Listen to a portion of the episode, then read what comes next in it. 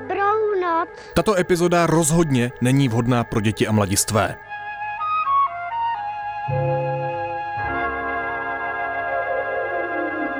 Je poslední den roku 2019. Posloucháte Silvestrovské studio N, tady je Filip Titlbach.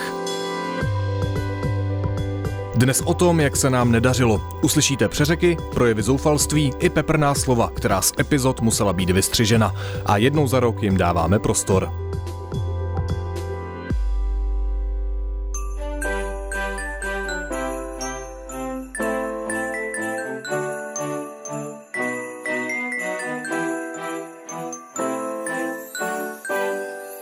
Srpnu letošního roku jsme postavili nové studio pro podcast Deníku N. Ne všechno se ale povedlo. Třeba šéf zahraniční redakce Honza Kudláček, který je také mimochodem nejlepším imitátorem Miloše Zemana v redakci, si postěžoval na padající mikrofony. Že budete mít zase příjemné otázky. Já si stejně budu říkat, co chci. Tak před ústa, pane prezidente. Šňoura, aby se mi to na mě... Čiže to taky nestabilní? Je to nestabilní, no. Musíš nějak to zatížit.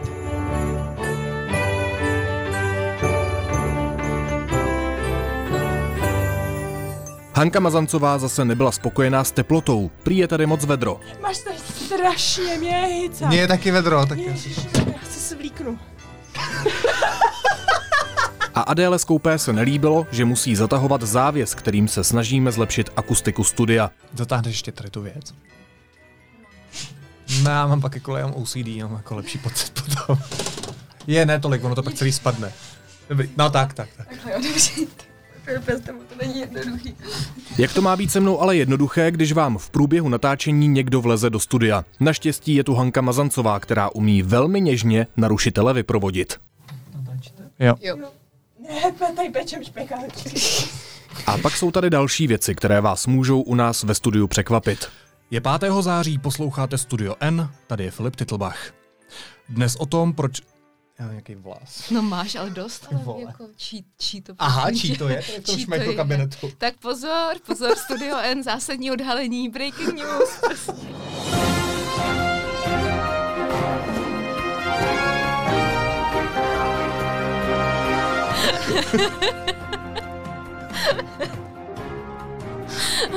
no, by- to bylo trošku světlý totiž, jako, to přišlo. Bylo světlej, no. Já nevím, kdo tady seděl přede mnou, nebo kdo tady byl se mnou. Na začátku každého rozhovoru prosím redaktory, aby něco řekli do mikrofonu a upravili jsme tak hlasitost zvuku. Kiril Ščeblikin se rozhodl mluvit o své večeři. K večeři jsem si včera dal uh, skvělý chlebík uh, namazaný arašidovým máslem a džemem borůvkovým, bylo to super. A potom jsem brzo usnul. Tak, tak jdeme, jo? Počkej, už, už. A problematika hlasitosti zvuku ještě jednou, tentokrát s Hankou. Překročovat čtvrt miliardy korun. Ty jsi to řekl moc nahlas. Překročovat čtvrt miliardy korun. Ty vole, já s tím pak budu stříhat. Pardon. Překro... Poslední, co nás Filip pozval do studia. No a když už chtěl konečně člověk začít natáčet, je tu opět Honza Kudláček. Tak můžem? Jo, jo. Tak nešusti. No ne, ať vidějí, že tady pracujeme s dokumentama, já to klidně řeknu, hele, já to přiznat, já mám No dokument. jasně, ale já musím začít nejprve ten úvod, Jo, tak to no. nešusti. Pak si šusti klidně. Já ti vypnu zatím. Nejsou to jenom politici, kteří občas dokážou moderátora rozhodit. Letos se to povedlo i herečce Evě Holubové. Helejte se, Filipe, můžu ještě něco říct? Jasně, jasně. Já to řeknu jenom pro diváky, aby si nemysleli, že jsem nějak zdrogovaná nebo tohle. Já budu mluvit pomalu, protože jedeme přes telefon. A ty jsi mi upozornil, že mám mluvit zřetelně. Jo. Je to tak. Možná budu muset trochu jako hovado. Tak jenom proto. Tak pokračujte.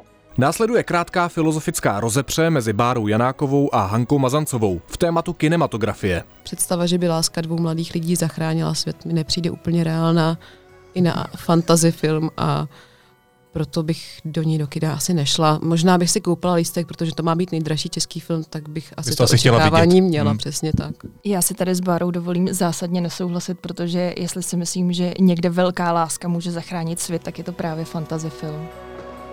No a teď přichází na řadu samozřejmě chyby a přeřeky. Adelo, pokud se nepletu, tak ty ses narodila zhruba tři roky před revol, co jsem Po- udělal Po špatně. revoluci. Po revoluci. Adelo, pokud... tak stroj dneska, ty vole. A teď další téma. Demokratický uchazeč o Bílý dům Joe, Joe Biden. A teď dá... já, už, já už nemůžu, ty vole. A teď další téma. Demokratický uchazeč o Bílý dům Joe... Ty vole, tak je to strašně nízko. Dobře. Teď už.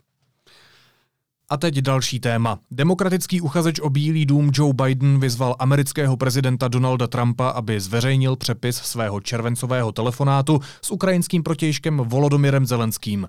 Podle páteční zprávy The Wall Street Journal... Journal. Journal, ty vole. Podle páteční zprávy do... Rozruch určitě vzbudilo vyjádření. Mně se tam nelíbí to určitě. Můžu. Jo, jo, jo. Určitě ten...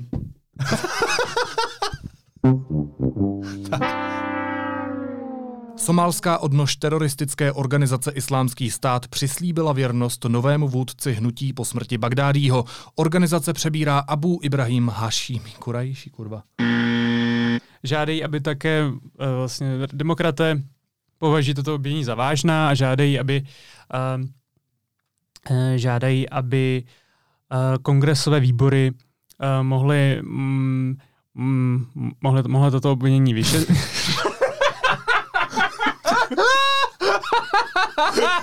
Ty vole, do prdele.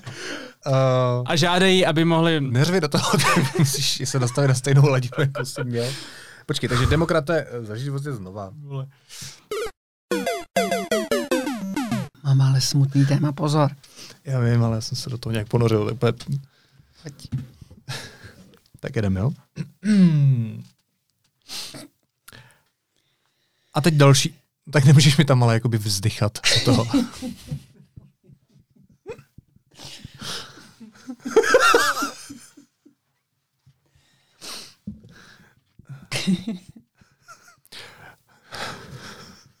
Ty taky nemůžeš do toho vzdychat.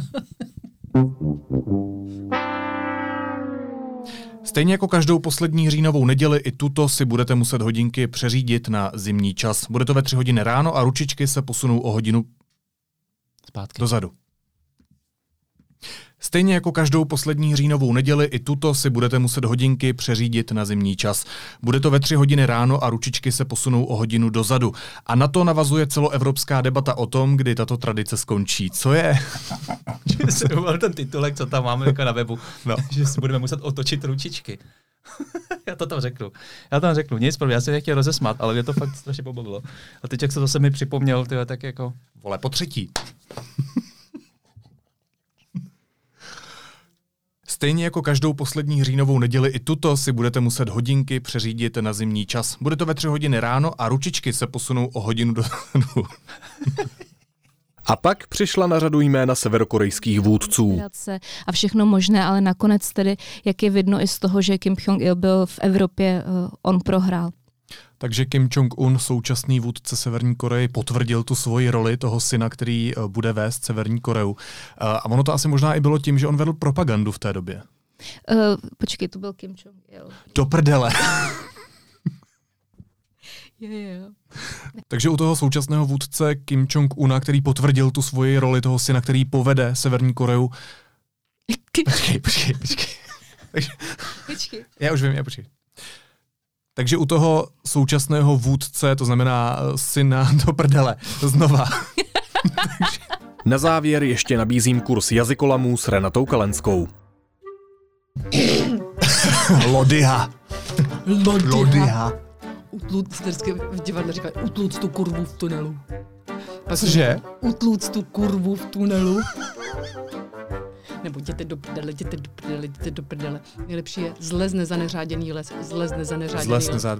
Zles nezaře... Prosím. Zlezne za, ne, zlezne za neřáděný les. Neza, z nezaneřáděný les. Zles? Znes? Vznes? Co bylo na začátku? Zle Zle? z nezaneřáděný Nezaneřáděný les. les. Zle z nezaře...